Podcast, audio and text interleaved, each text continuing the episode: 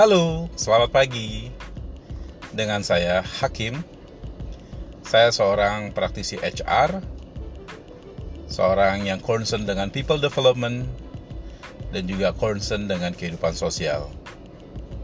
Di podcast ini, saya mencoba untuk berbagi semua ilmu saya tentang human resources management, tentang people development, dan juga tentang kehidupan sosial bukan sekedar untuk menggurui, tapi sekedar ingin berbagi. Supaya apa? Supaya kita semua sama-sama bisa mempelajari dan mengikuti kehidupan ini dengan balance. Namanya work-life balance. Ikuti terus podcastnya. Terima kasih sudah mendengarkan. Sampai jumpa.